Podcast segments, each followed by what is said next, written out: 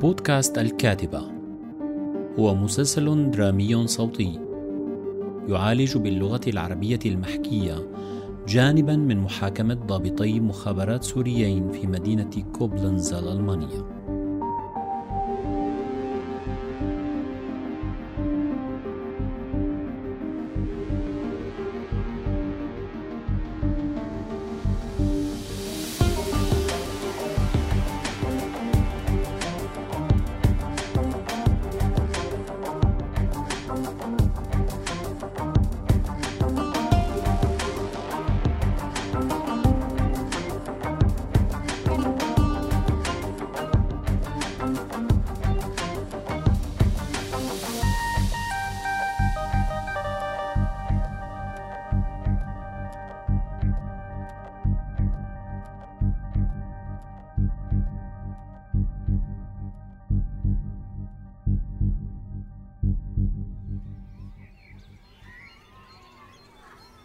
حبيت المكان سيف؟ خبروني عنهم رفقاتي. حبيت نكتشفه سوا. لك إيه لطيف كتير. بس الحقيقة ما بعرف إذا مناسب لموضوعنا. بالبيت عنا كل شيء وبعرف أشتغل وركز. هون ما بعرف كيف رح يكون الجو. ليه قلتي لي لاقي لك على الحديقة؟ لأنه صار لي فترة عم حس إنه جو البيت صاير مثل المحكمة وكل شي عم نعمله طول الوقت إني أحكي لك وترسم. عم يحضر بالبيت جو شوي سلبي ومتوتر بسبب نوع القصص والحديث. يعني قلت منغير المنظر اللي عم نشوفه. مزبوط. فهمت عليك. وكمان القصة اليوم مشحونة وفيها دراما كتير. وفوقها هاي الشهادة استمرت ست ساعات على جلستين. وبتستاهل نجهز لحالنا شوي. أوف وليش استمرت ست ساعات؟ ليش مين الشاهد؟ شاهدنا اسمه بي 2 وحكينا عنه قبل وصار معروف بالصحافة إنه هو أنور البني. بظن إنك سمعان بهذا الاسم صح؟ هو محامي سوري بمجال حقوق الإنسان من سنة 1986 أصله من حما ومسيحي وقرر يصير محامي لحتى يدافع عن حقوق الإنسان. وقال باثنين إنه بقي بمهنته لحتى اعتقلوه بال 2006 وضل لحتى ترك سوريا بال 2014 وقال كمان إنه اعتقل بفرع أمن الدولة 285 وقضى خمس سنين بسجن عدرا.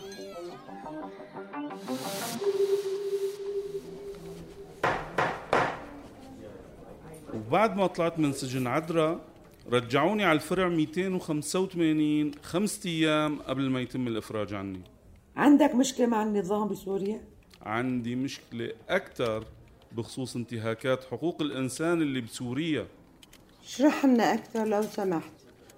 بدأ النظام يعتقل أفراد عائلتي من سنة 1977 وتحديدا أخوتي الثلاثة وأختي وزوجة أخي وزوج أختي. وأنا شخصيا اعتقلت بالفرع 251 سنة 1978 وبالإضافة للتعذيب اللي تعرضت له شخصيا صار عندي اطلاع أكثر على وسائل التعذيب بسجون النظام بعد ما تم إخلاء سبيلي. مشان هيك قررت صير محامي لدافع عن أفراد عيلتي وغيرهم من اللي تعرضوا لانتهاكات وتعذيب. وصرت محامي سنة 1986 وتم اعتقال أخي وأختي مرة تانية بنفس السنة. هدوء لو سمحتوا خلونا نسمع الشاهد تابع لو سمحت. كان مجموع السنوات اللي قضوها أفراد عيلتي بسجون الأسد 73 سنة. وخلال معظم هاي الفترات كان في منهم ضحايا الاختفاء القسري. وما حدا كان يعرف عنهم شيء. واحد من أخوتي تعرض للتعذيب بالشبح لفترات بتوصل لأسبوعين متتاليين لحتى انشلوا إيديه التنتين. احكي لنا عن اعتقالك إمتى؟ كيف صار؟ ليش؟ الاعتقال الأول كان بسنة 1978 كنا أنا وأختي ساكنين بشقة بالعاصمة دمشق. بهداك اليوم كنت نايم بالليل والساعة تنتين بعد نص الليل سمعت خبط على الباب وقبل ما لحق قوم أفتح فوتوا هاتوا لهون شوفي مي مين انتو شو بدكم؟ شو اسمك ولا؟ انور آه انور البني أختك وينها؟ ما بعرف وينها مو هون لا تجدب علي هلا ساكنة معك ولا لا؟ لا مو ساكنة معي ما بعرف وينها هدول لكان لمين الغراض هدول مغراضة؟ ولا انت بالليل تلبس فساتين و... وأساوي؟ كانت ساكنة معي بس هلا ما بعرف وينها. اسمعوا لا بتوفر على حالك البهدلة وبتخبرني وين نايمة أختك. بربي بدي ندمك محل ما بينفع الندم. بس قولوا لي شو عاملة لتكون مخربطين مين بدكم بالضبط؟ راسه لك شحطوه على السيارة وربطوه. إذا ما حكى على الطريق بيحكي بالفرع. لا لا لا لا أنا شو دخلني؟ مالكم حق تاخذوني شو دخلني؟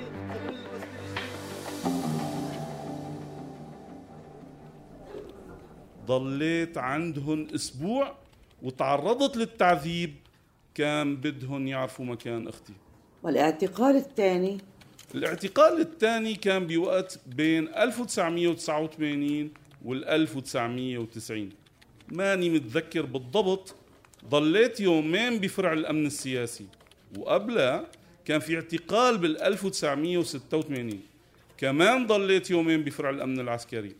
وآخر مرة اعتقلت فيها كانت بال 2006 هي كانت الفترة الطويلة اللي قضيتها بالسجن وبينها وبين الاعتقالات السابقة كان في تهديدات طوال الوقت ويستدعوني بشكل يومي أو أسبوعي لفرع الأمن. فيك تشرح للمحكمة عن اعتقالك الأخير؟ الاعتقال كان أقرب للاختطاف بالبداية. بيوم 17 أيار 2006 كنت مثل العادة رايح على مكتبي بين الساعة 5 أو 6 وقطعت الشارع قدام بيتي لآخذ السيارة وقبل ما أفتح الباب وقفت سيارة فجأة ونزلوا منها اثنين سحبوني بسرعة لجوا سيارتهم وقعدوا علي وعصبوا لي عيوني وأخذوا جزداني وأغراضي.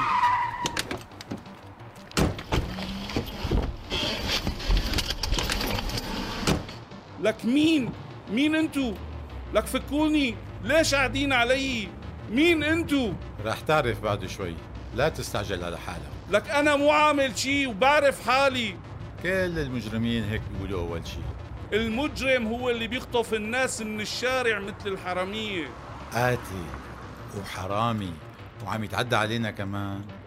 عموما بنوصل ولحالك رح تعترف بجرائم القتل والسرقة اللي أنت عاملهم هي شغلتنا نحن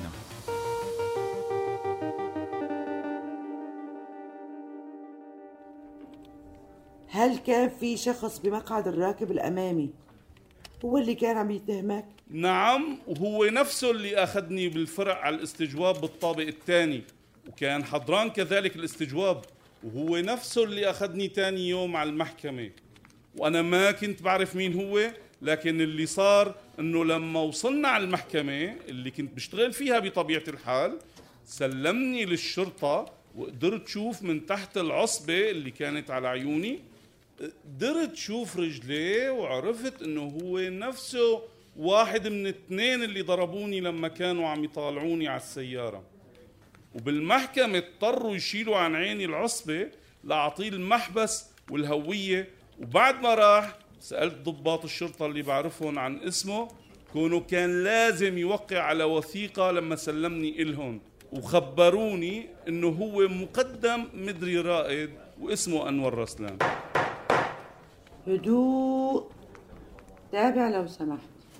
بس خبرنا شو صار مباشرة بعد ما أخذوك بالسيارة. سلموني للفرع 285 وحطوني بزنزانة كان رقمها 10 أو 11 مو متذكر بالضبط. وبالليل أخذوني على الاستجواب. طبعا لساتهم كانوا معصبين لعيوني. كان في شخصين اللي عم يحققوا معي والتاني اللي عرفت بعدين إنه هو أنور رسلان.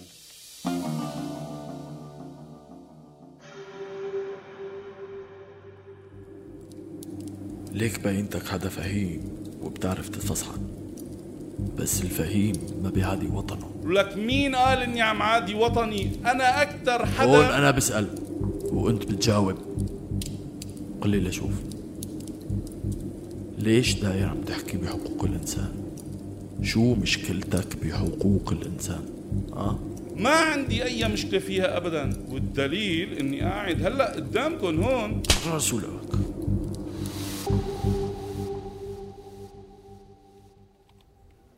رجعوني على الزنزانة. وبما أني ما كنت عرفان قديش رح أبقى بالفرع هاد أعلنت إضراب عن الطعام والشراب وقضيت الليلة مع أصوات لتعذيب السجناء التانيين. كانوا ياخدوهن على جلسات تعذيب أو يعذبوهن ضمن الاستجواب. بس ما كان جديد علي هذا الحكي. كوني كنت أترافع عن كتير معتقلين قبل هيك.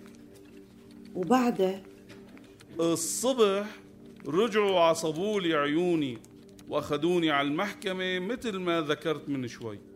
ومن هونيك على سجن عدرا اللي قضيت فيه خمس سنين.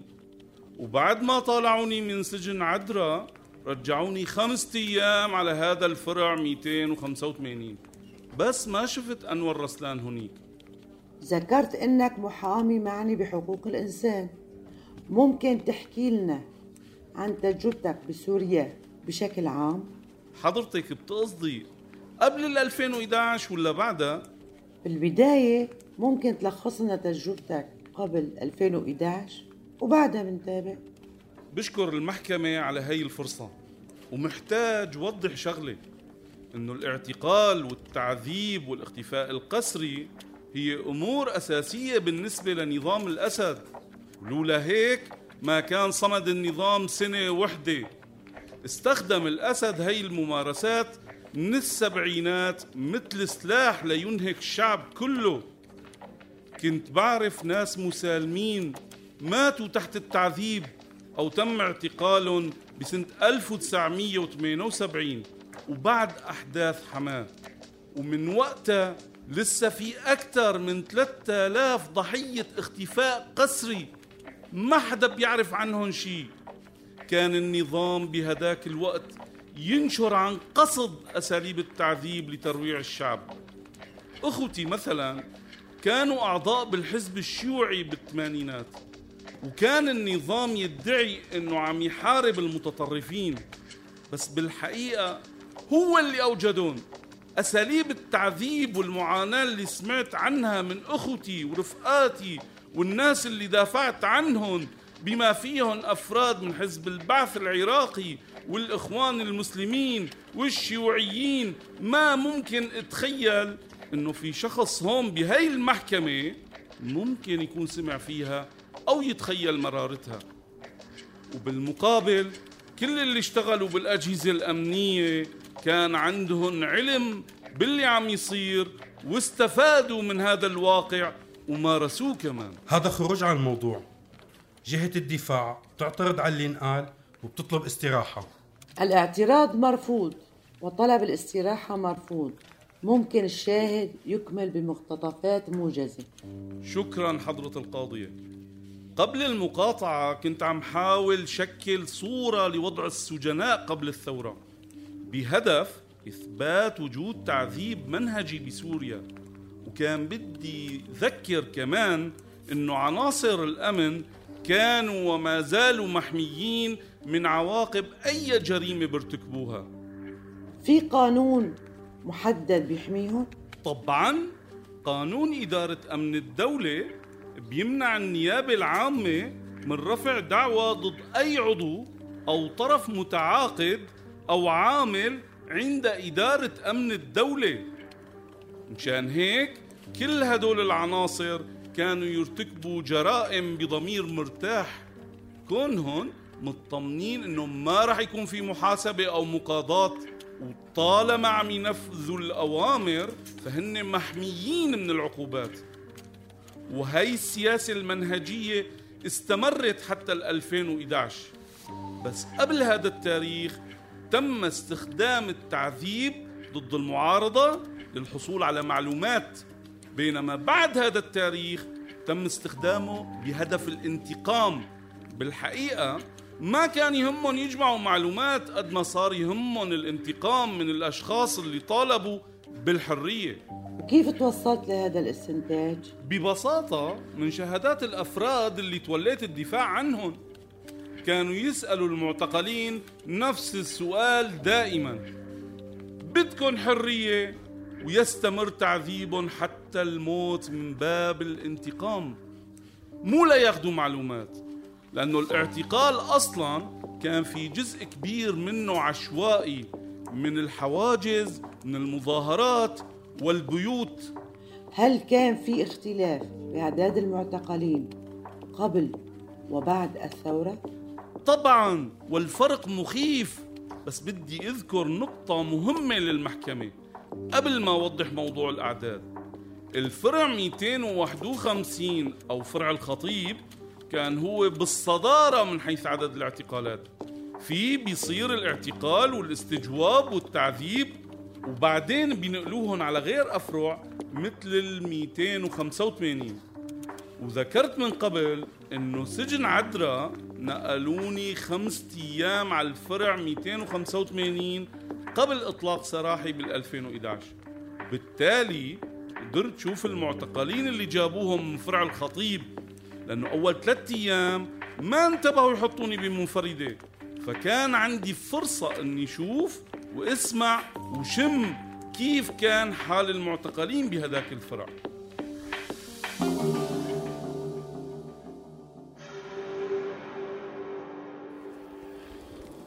ما صار لي هون كتير. كم يوم بس. جابوني من الخطيب. وانت من وين جابوك؟ من عدرا. صار لي خمس سنين هونيك. جابوني من ثلاثة أيام لهون. هلأ ما بعرف شو رح يصير. هذا اللي حدك عايش. صار لهم خمسة أيام بيشبحوا بالليل وأصواته بتوصل للسما. والظهريات بياخدوه وبيرجعوه ناقص اصبعه ومدمل هالكان أصلا قبل ما يجيبوه لهون كمان كان بالخطيب. وصل مورم وكملوا عليه. ما حدا بيعرف كيف لساته عايش. خلينا ساكتين. ضلينا ساكتين. مشي الحال.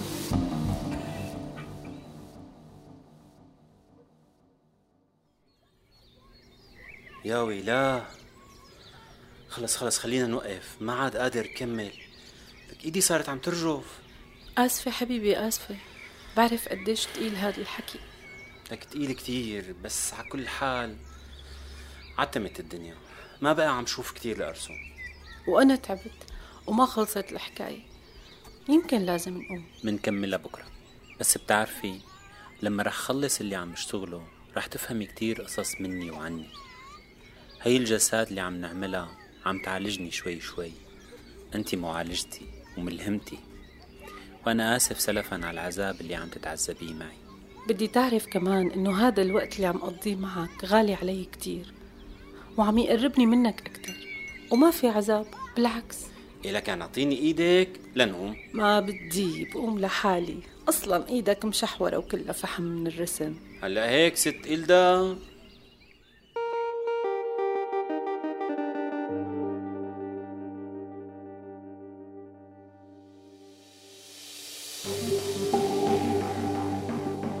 أنتج هذا المحتوى الصوتي بدعم وتمويل من مؤسسة هاينرش بيل.